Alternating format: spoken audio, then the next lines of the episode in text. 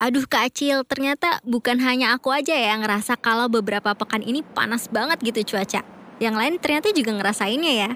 Iya Nel, karena prediksi BMKG nih ya, dari bulan Mei sampai Agustus besok tuh bakal jadi awal musim kemarau tau. Ini perasaanku aja atau musim kemarau tahun ini rasanya panas banget nih.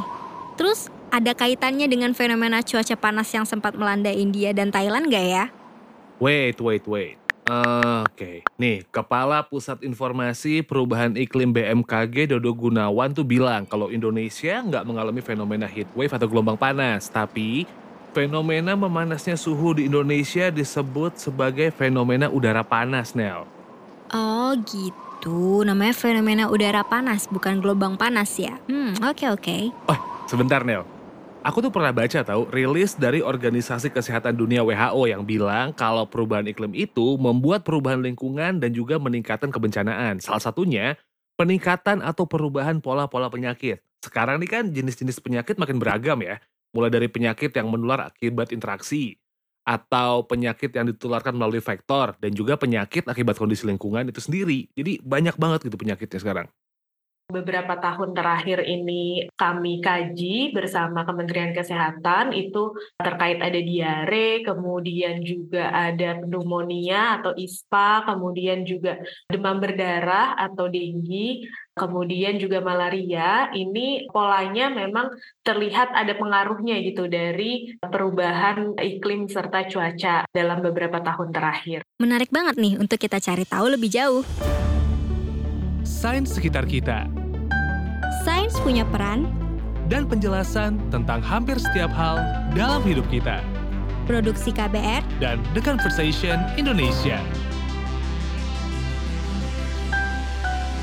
Sains sekitar kita. Halo, saya Muammar Syarif Acil.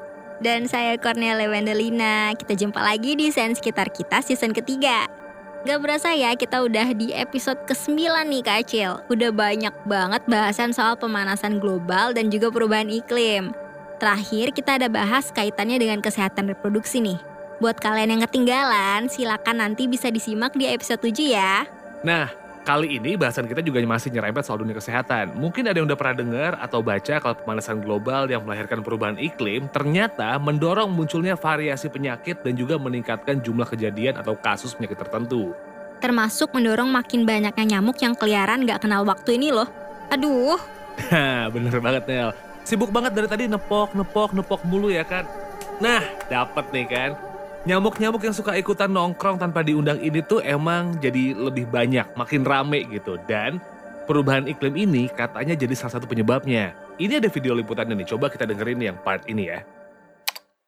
Berbagai penelitian di dunia menemukan temperatur, curah hujan, dan kelembaban mempengaruhi siklus hidup nyamuk demam berdarah. Perubahan iklim yang terjadi selama puluhan tahun membuat suhu menghangat. Larva nyamuk bisa lebih cepat menjadi pupa dan tumbuh prematur menjadi nyamuk dewasa. Dari 10 sampai 12 hari kini nyamuk bisa menjadi dewasa hanya dalam 8 hari. Akibatnya, ukuran tubuh nyamuk menjadi semakin kecil.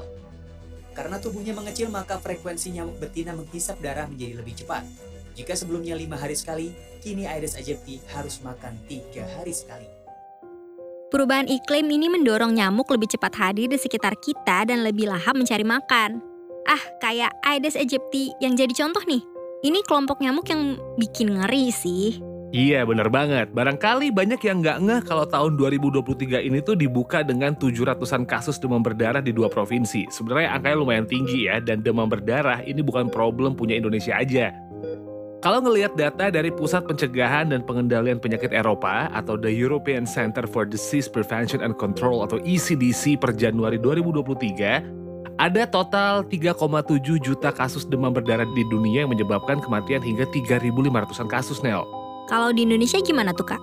Nah, kalau Indonesia tuh ada di peringkat keempat dengan 94 ribu kasus. Kalau kasus tertinggi itu ada di Brazil. Jumlahnya tuh sampai 2 jutaan kasus gitu. Terus disusul selama Vietnam, Filipina, dan juga India.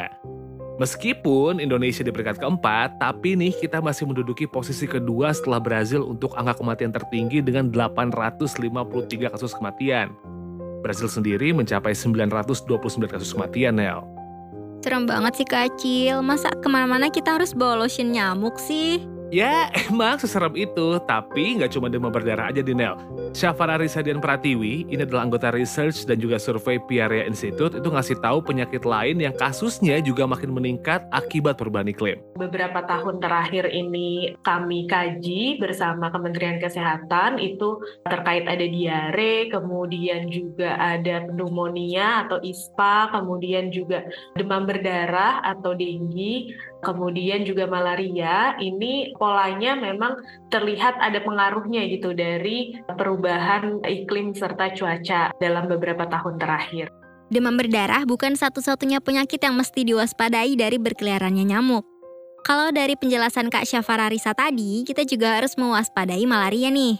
By the way, 25 April lalu diperingati sebagai Hari Malaria Sedunia loh.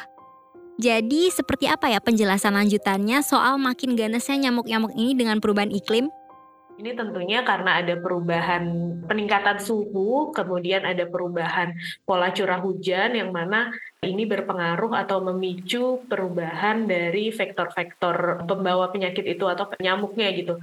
Jadi kan kalau nyamuk ini pola hidupnya dia akan sangat bergantung pada kondisi lingkungan ya. Ketika kondisi lingkungan, kondisi cuacanya tidak menentu, maka juga mereka terdampak gitu sehingga ada e, memicu peningkatan vektor atau perubahan pola hidup vektor yang sehingga meningkatkan resiko penyakit itu sendiri khususnya untuk demam demam berdarah dan malaria. Lotion anti nyamuk jadi wajib dibawa ke mana-mana nih. Kan kita nggak tahu ya mereka nimbrung di mana dan kapan, dan yang nimbrung itu jenis apa. Kan kita nggak bisa lihat tuh apakah ini si Aedes aegypti yang menyebabkan demam berdarah, atau jenis lain si Anopheles yang menyebabkan malaria. Yang pasti cuaca makin labil dan terasa banget kok kalau nyamuk makin merajalela. Nah, di Hari Malaria Sedunia tahun 2023, Organisasi Kesehatan Dunia tuh sempat ngasih tahu negara-negara di dunia tuh kalau mereka itu belum berada di jalur yang tepat untuk mencapai target nol malaria. Target pengurangan 90% kasus baru dan kematian akibat malaria di tahun 2030 juga masih sulit buat dicapai. Dan based on World Malaria Report tahun 2022, malaria menyebabkan 619 ribu orang meninggal dunia secara global di tahun 2021. Memang angka ini tuh udah turun dibandingkan tahun sebelumnya yang sebanyak 625 ribu orang. Tapi jumlah kasus baru malaria justru meningkat nih Nel yakni dari 245 juta kasus di tahun 2020 jadi 247 juta kasus baru di tahun 2021. Dan benua Afrika ini menyumbang lebih dari 90% kasus baru dan kematian akibat malaria tersebut. Di Indonesia sendiri, dari yang aku baca nih, Kementerian Kesehatan punya target Indonesia bebas malaria pada 2030, sejalan dengan target WHO tadi ya. Tapi jumlah kasus malaria malah naik jadi 399 ribuan kasus pada 2022 dari sebelumnya sekitar 304 ribuan kasus pada 2021. Sebanyak 82 orang meninggal akibat malaria di Indonesia pada 2022. Berdasarkan data WHO, angka itu meningkat dari kisaran lima tahun terakhir yang sekitar 30 sampai 40 kematian per tahun. Wait, kalau nggak salah tuh ya, pemerintah punya program kelambunisasi untuk mengeliminasi malaria di seluruh Indonesia. Mungkin Kak Syafara saya dari Piaria Institute ini punya catatan gitu ya soal ini. Untuk saat ini perkembangannya memang belum seluruh wilayah bisa tereliminasi malaria, tapi sampai tahun 2020 itu kalau tidak salah ya sudah ada sekitar 318 kabupaten dan kota itu sudah terbebas dari malaria. Kemudian juga ada sekitar tiga provinsi yang sudah terbebas dari malaria. Ini ada DKI Jakarta, kemudian ada Bali dan Jawa Timur. Namun ada beberapa wilayah yang memang ini masih perlu diperhatikan karena masih menjadi endemis dari penyakit malaria ini ada di wilayah timur Indonesia, salah satunya adalah di Pulau Sumba. Emang ya, nggak boleh dianggap remeh nih perkara nyamuk ini, karena kita tinggal di daerah tropis juga ya Kak Acil. Kalau untuk mencegah demam berdarah, jangan lupa nih kita ada gerakan 5M untuk pemberantasan sarang nyamuk, yaitu menguras, menutup, mengganti, mengubur, dan menaburkan. Kalau untuk mencegah malaria, gimana nih Kak? Nah, kalau malaria, mencegahnya tuh dengan menggunakan pakaian tertutup, seperti lengan panjang, celana panjang, atau sarung. Terus memasang kawat kasa dan juga tidur berkelambu. Ini terutama kalau kita tinggal atau mengunjungi daerah endemi malaria gitu ya Nel ya. Jadi ya kayak Tony Stark pakai suitnya Iron Man gitu lah, pasti aman tuh. Jadi kalau kita mau mengunjungi satu daerah boleh banget kita cek dulu kali ya. Apakah daerah itu daerah endemi malaria atau enggak. Jadi kita bisa melakukan upaya pencegahan. Yes, bener banget. Jangan lupa nih, cek kesehatan. Itu penting banget buat kamu yang kemarin mudiknya tuh ke daerah yang ternyata masih masuk endemis malaria. Jadi daerah endemi malaria itu adalah daerah yang selalu ada kasus malarianya meskipun frekuensi atau jumlah kasusnya rendah. Coba deh cek-cek di internet daerah mana aja tuh yang masuk kategori itu. Gak nyangka sih kak, karena ternyata dunia masih berjuang menghadapi malaria. Dampak penyakit ini nggak sepele sih sebenarnya.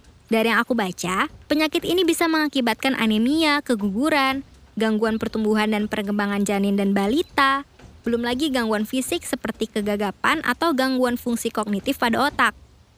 WHO mengingatkan juga kalau anak-anak dalam rumah tangga paling miskin lima kali lebih besar berpotensi terinfeksi malaria. Nah lanjut nih, tadi kan Kak Syafara Risa bilang kalau penyakit yang timbul akibat dampak perubahan iklim itu bukan hanya disebabkan atau dibawa oleh nyamuk, tapi ada juga yang kaitannya dengan sulitnya pasokan air bersih kayak diare misalnya. Atau yang berhubungan sama udara gitu Nel. Wah ini nih, ini polusi udara emang jadi problem lingkungan yang serius yang berulang kali kita senggol dalam podcast-podcast sebelumnya ya kak. Kalau lihat data Global Burden Disease 2019 Disease and Injuries Collaborators, ada lima penyakit pernafasan penyebab kematian tertinggi di dunia. Salah satunya penyakit paru obstruktif kronis atau PPOK. Polusi udara menyumbang 15-30% sebagai faktor resiko penyakit paru ini. Nah, upaya mengatasi penyakit ini ya mau nggak mau sih harus mengatasi sumber polusinya ya, kayak yang udah dibahas di episode-episode sebelumnya tuh.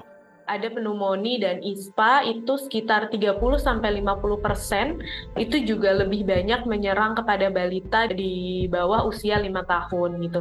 Jadi mungkin selain dari lingkungannya, kemudian juga dari sisi kelompok umur gitu ya, ketika dua ini dikombinasikan akan meningkatkan kerentanan individu tersebut terhadap resiko penyakit. Gimana ya Kak Syafara Risa melihat perhatian pemerintah terhadap apa yang udah kita bahas sejauh ini?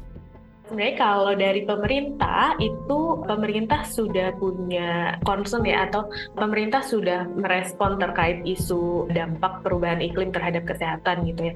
Contohnya dengan kalau dari segi kebijakan itu pemerintah sudah menyertakan atau sudah memberikan perhatian terhadap pengendalian perubahan iklim ini dalam program prioritas atau prioritas nasional di RPJMN itu sudah ada terkait dengan pengendalian perubahan iklim dan kebencanaan gitu.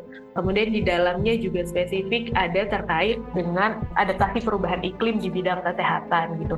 Nah, dari sini sebenarnya sudah menunjukkan komitmen pemerintah untuk memperhatikan dampak kesehatan terhadap perubahan iklim. Nah, kira-kira catatan terhadap implementasinya gimana nih? Untuk implementasi dari program pemerintahnya sendiri juga sebenarnya sudah banyak. Seperti misalkan kalau terkait dengan pola hidup gitu ya sehari-hari itu dari Kementerian Kesehatan punya program yang namanya PHBS atau perilaku hidup sehat ini diterapkan di rumah, kemudian di sekolah, tempat bekerja, serta di tempat-tempat umum lainnya dan tentunya di sarana kesehatan. Kemudian juga ada program yang namanya FPBM, ini sanitasi berbasis masyarakat, di dalamnya itu ada diarahkan untuk bagaimana cara mencuci tangan yang sehat, menyiapkan makanan yang baik, kemudian pengelolaan air, pengelolaan sampah itu juga terkait di dalamnya. Apa aja sih kendala atau tantangan agar program-program pemerintah itu berhasil dan ada impactnya gitu? kendalanya sendiri sebenarnya yang paling perlu diperhatikan adalah kapasitas dari masyarakatnya itu. Selain dari program-program yang sudah diberikan oleh pemerintah, ini pemerintah juga perlu mengupayakan agar masyarakat memiliki kesadaran terhadap pengendalian penyakit itu sendiri gitu masyarakat perlu terus didampingi dan diedukasi.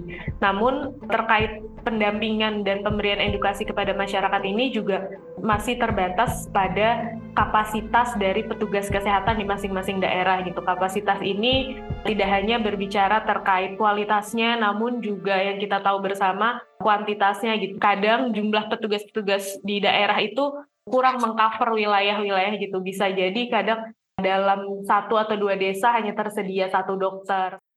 Nah, we know kondisi lingkungan kita emang udah berubah. Tantangannya untuk menjaga lingkungan tetap lestari juga makin gede. Tapi seenggaknya nih, aku coba untuk nggak melewatkan panggilan kerja bakti di rumah. Jadi kayak misalnya ada yang nyuruh bersih-bersih rumah tuh aku sigap banget. Karena gini, selain supaya nyamuk-nyamuk di rumah itu nggak bisa berkembang biak gitu ya, kita tahu lah kalau lingkungan kita bersih kan enak dipandang, tuh enak buat beraktivitas, dan hitung-hitung olahraga pas weekend. Ternyata Kacil anak yang rajin ya kak. Tapi setuju sih, kita semua bisa ambil peran sesuai kemampuan dan juga kapasitas kita.